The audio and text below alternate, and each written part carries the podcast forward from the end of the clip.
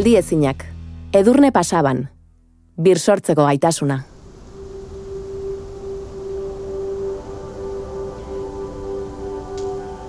Munduan amalau tontor baino ez daude itxas mailarekiko zortzi mila metrotik gorakoak.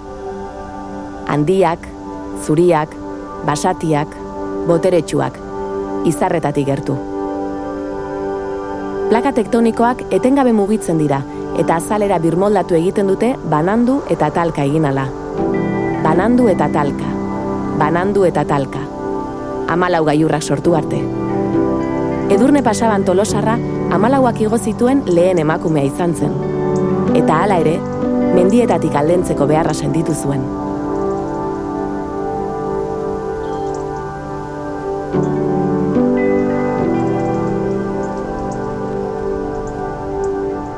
Eta seigarren urtearen hasieran nik nire buruari galdera asko egiten izkion. Egiten izkion galderak zer egiten nahi nintzen nire bizitzan. Eta hor depresio batetan ero nintzen. Zulo beltzean, oso beltzean, erantzunik gabe ez. Jendeak ikuste zituen kanpotik ordurako ja ezaguna egiten hasi zen edurne pasaban izena, e, medioak bueno, atzetik e, nituen, baino benetan kanpotik ikusten dana eta barruan dagoena ez da berdina ez.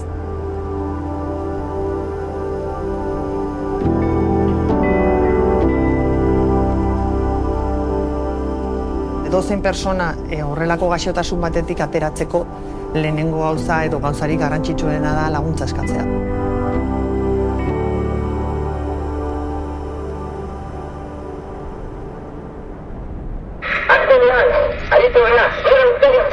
Mila behatzien da larogeiko maiatzaren amalauko arratsaleko iruterdietan, Euskaldun bat eberesteko gaiurrera iritsi zen lehen aldiz. Martin Zabal eta Hernani zen. Alboan zuen, pasanten baserpa. Zabaletak ikurrina jarri zuen tontorrean, eta argazkiura gure herriaren historiaren parte bilakatu zen. Edurne pasabanek sei urtetxo zituen Martin Zabaleta eberesteko gaiurrera iritsi zenean, eta ez da oroitzen balentri hartaz. Gerora entzun zituenan eta hemen espedizio hartako bizipenak, eta nolabait, Zabaletak sentitzen zuen zirrara hori sentitu zuen edurnek.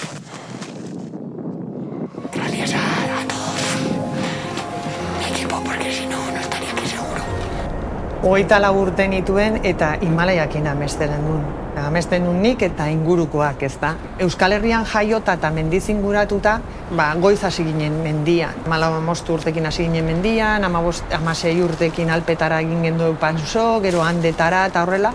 Eta, bueno, ba, behin horiek ezagututa, Himalaia eta goi mendiak eta ezagutzeko grina eta gogoa zenun, ez da, esan zer egongo da han, sortzi milako batetan, eta ze izango da Himalaia. Euskal Herriare berezia zan laro gehi, laro gehi markadan, espedizio asko egiten ziren e, Himalaiara, erreferenteak zenituen, e, Juanito, Inurrategian aiak, lehen espedizioa eberestea laro gehian, eta horrela, e, eta horiek zure erreferente zian, orduan, haien urratsa jarraituta, mendia gustatzen zitzaigu nahi, e, Himalaiarekin ameste genduen, abernoa joan ziren haiek eta horrela.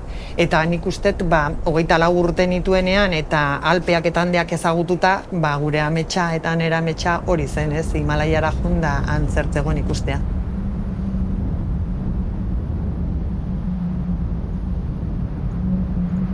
Himalaia hitza sanskritotik dator. Imak elur esan nahi du, eta alaiak bizileku. Hau da Himalaia elurraren bizilekua da. Bertan daude amalau gaiur gorenak.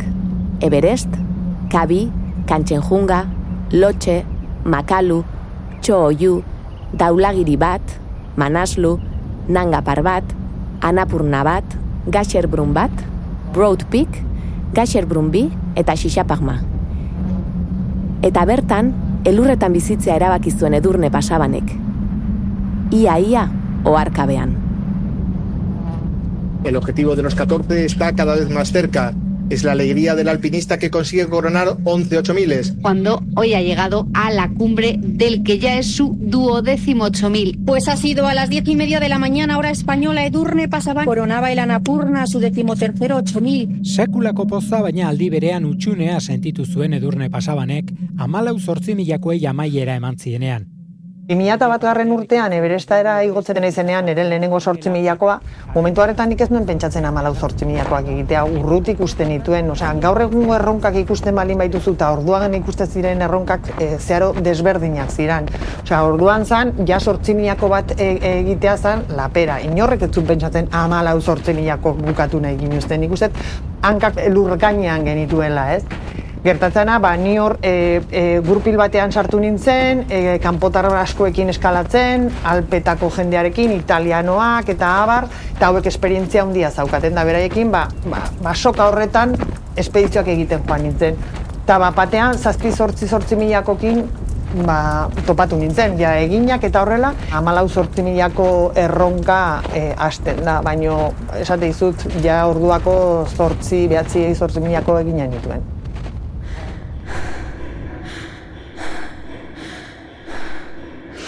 Adituek diote, eberesteko gailurrean itxasmaian dagoen presio atmosferikoaren eren bat dagoela soilik. Horrek nabarmen murrizten du eskalatzaiek arnasteko duten gaitasuna. Gizagorputza ez omen da gai, bos mila zazpion dalaro eta maika metrotik gora luzaroan egoteko. Hala ere, itxasmaiatik zenbat eta gertuago, orduan eta arazo gehiago izaten zituen edurnek lasai arnasteko. Presioa itogarria zen.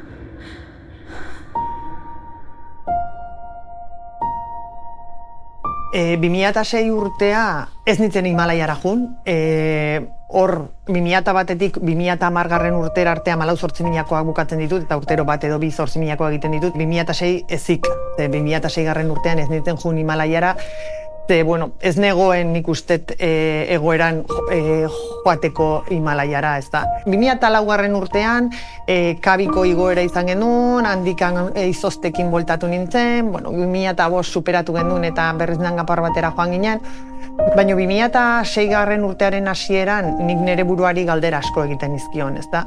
Ze gu ez ginen profesionalak, osea, gu ez ginen Himalaiara joan, e, espedizioak egin eta horrekin diru irabazi eta horretaz bizi, ez da? Gu es, espedizioak bueltatu eta e, hemen ba, lanea edo jatetxera edo, edo bombero zana bomberoa edo, bueno, eta ni jatetxera bueltatzen nintzen eta hor garai horretan hogeita maika urte nituen, Eta nire ingurunea ik, bidatzen hasi nintzen, ez da? Eta ikusten nun, ba, nire kuadriako guztiak bizitza zeharo desberdina zaukatela, karrera eginda, ikasketa bukatu, lan bilatu, familia eduki, ezkonduta eta horrela. Eta ni ez negoen berdina egiten, ez da? Uste gizarteak pauta batzu jarrita ditula, dala ikasi, ikasi ondoren lan eharra bilatu, gero etxea erosi, gero bikotea bilatu, ezkondu, umeak eta horrela, eta hogeita maika urte nituenean, hoi da, 2006 garren urtean, ni gizarteak esigitzen zuen bide horrekin ez neon bateratua. Zero kanporan nengoen, Himalaian pasatzen dituen sei hilabete, ez nituen mintil lagun fijorik, eta hor depresio batetan ero nintzen. Ez nituelako zenbait e, galderari erantzunak bilatzen, ez? Esaten zer egiten ari naiz nire bizitzarekin. Osa, honetaz ez da bizitza irabazten, eta e, bizitza jokoan jartzen dut joaten naizen bakoitzan eta merezi dupena egiten ari naizen hori eta 2006 urtea gogorra, gogorra izan zen, e, lau hilabete hospital batetan pasan dituen, psikiatriko batetan eta eta bueno, ba bidea bidea bilatzen ez dela errexe izaten.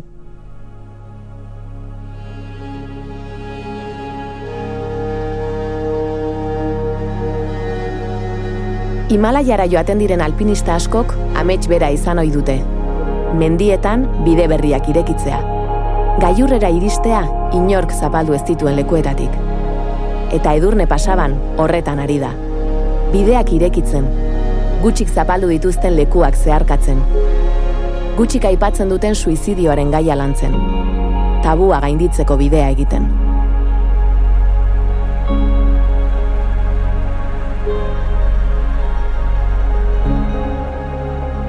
Zulo beltza hortan egotea zaila da, ez? E, jendeak ikusten zuen nola egon naiteken momentu batzuetan Himalaian eskalatzen edo alpetan zotzeko ruta bat egiten eta gero bueltatu etxera ez oetik atera nahi, triste eta eta bueno, bizitzeko gori gabe, ez da.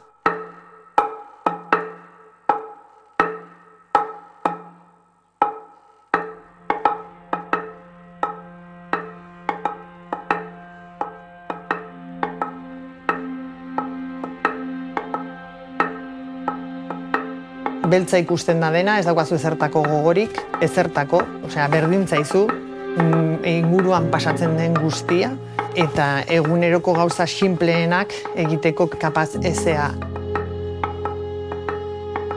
Okerrena da, zulo beltzean zaudenean ez ezula ikusten nun dagona ateratzeko bide hori.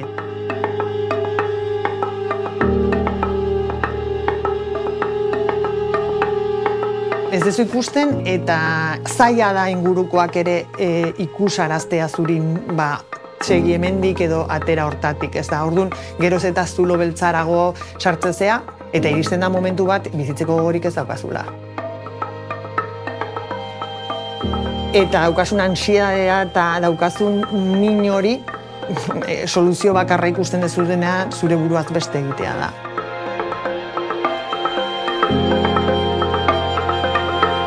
Nola, horrelako gaixotasunak oraindik tabu bat jarraitzen duten izaten, ondoan daukat dauzkazunak ez dia kapaz ikusteko norainako mina daukazun, eta zuk norberak ere e, ez daukazu nola esplikatu sufritzen ari zarena. despite being an individual Olympic champion twice over 100 metres, she could do nothing to close that gap. And it was Tori Bowie who had the glorious, glorious honour of anchoring the Americans to yet another fabulous gold medal. Tori Bowie atletak hiru domina irabazi zituen Rio 2016ko Olimpiar Jokoetan. Kelly Katren txirrindulariak zilarrezko domina lortu zuen Rio 2000 eta Maseien. Joana Basani eskiatzaileak zilarra eskuratu zuen 2000 eta hogeiko neguko jokoetan. Hiru emakume hauek euren buruaz beste egin zuten. Guztira, eunda larogeita mairu dira suizidioagatik hildiren kirolari olimpiarrak. Goi mailako kirolari izateak, etzaitu auskorri izatetik salbatzen. Ainoa azurmendik azaltzen digu, doktorea da gizarte psikologian eta portaera zientzien metodologian.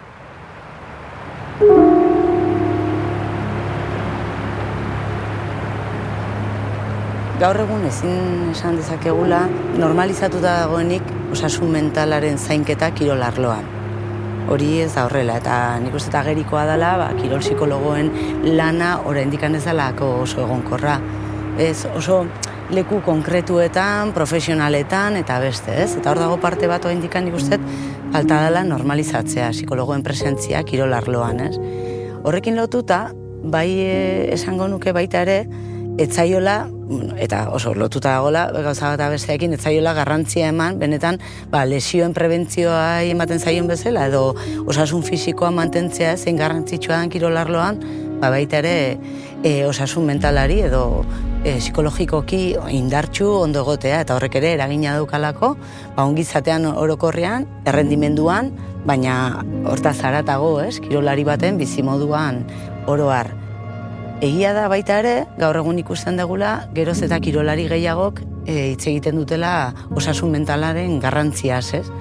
Baina ez genuk esango, guztiz normalizatua dagoela ba, ekipo guztietan e, kirol psikologo bat egotea. Eta batzutan ba, aipatu izan dugu ez, izkutatu egiten da, batzutan ere kirolariek beraiek entrenatzailei ere izkutatu, izkutuan ba, beste e, kirol psikologo batekin lan egin izana, batzuetan ere oztopo, hor nik uste falta dela benetan e, guztien arteko elkarlan bat, ez?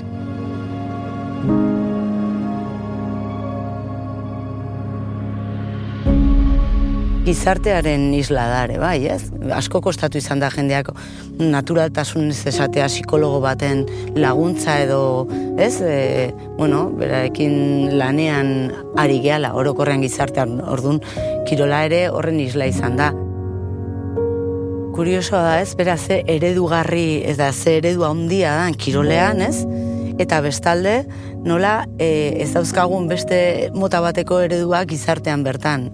Anitza da, baina e, mainstreamean edo egunerokotasunean guri aurrean jartzen dizkiguten ez, aurrez aurre jartzen dizkiguten ereduak nahiko tradizionalak dira.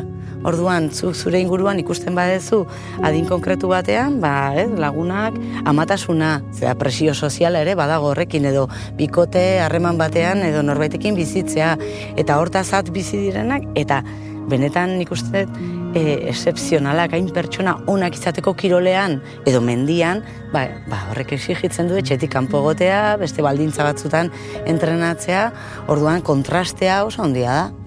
E, benetan, nik uste azkenian e, gizarteak exigentzia batzu dauzkat, eta zuk ez badezu hoiekin bat egiten, ba, nik uste gehiago aldentzen zaitu horretatik, ez? Eta gehiago gerturatzen zaitu, seguraski, ba, zuri ondo e, sentiarazten zaitu ingurunetik mendia, kasu honetan. Vamos a ver, Edurne, eh, soy Sebas. ¿Cómo te encuentras, cambio? Bueno, estoy cansada, pero, pero bueno, puedo proseguir al campo, dos cambios. Hende askok e, galdetzen nau, ez da, hainbeste lagun galdu izan ondoren nola hueltatu dezakezu berriz mendira.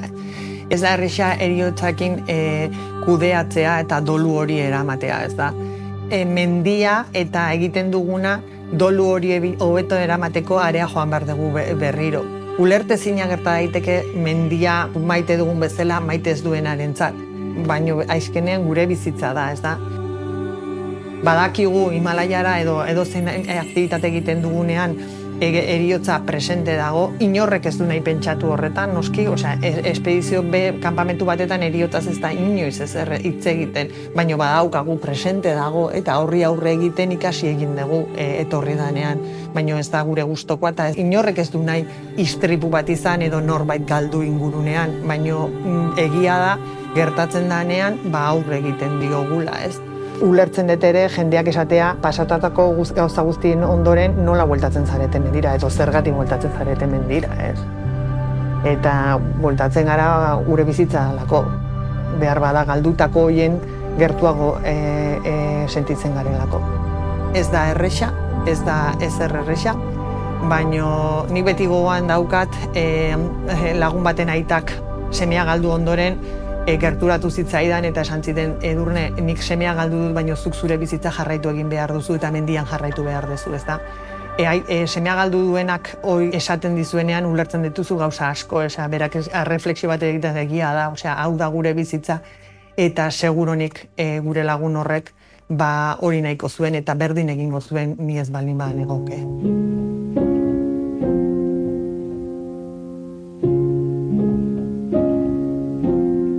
2000 eta batgarren urtean iritsi zen edurne pasaban munduko gaiurrera, Everestera. Urte hartako udazkenean, daulagiri konkistatzeko bigarren saiakera egin zuen. Gaiurraren egunean, kondizio meteorologikoak medio, edurnek ez jarraitzea erabaki zuen. Bere lagun Pepe Garcesek ordea, goraino iritsi nahi zuen. Tamalez, itzuleran, irristatu eta bizitza galdu zuen.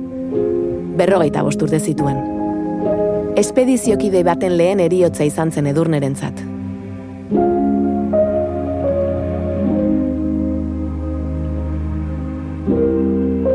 Aixotasunean eta depresioan sartzen naizenean lehenengo gauza mendia pentsatzen dut e, erruduna dela, ezta? Eramakiten bizi modua, nola egiten dituten gauzak, horrek egiten nahuela besteen desberdin izatea eta berari ematen diot errua. Baina gero denborarekin, sobre inguruan dauzkaten jendeak, pertsonak, e, ikuste arazten didate, mendia ez dala erruduna, baizik e, mendian ere bizitza dala, eta, eta bizitzaren bide hori jarraitzen baldin badut, ba, zoriontsu izango naizela, ez?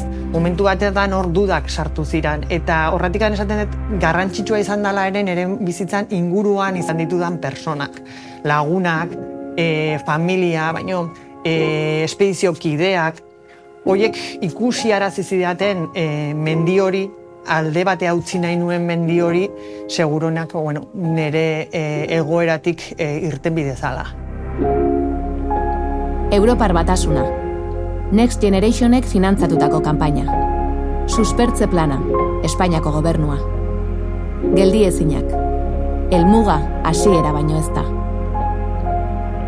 Zuzendaritza Inigo Asensio. Ekoizpen eragilea Elena Etxebarrieta.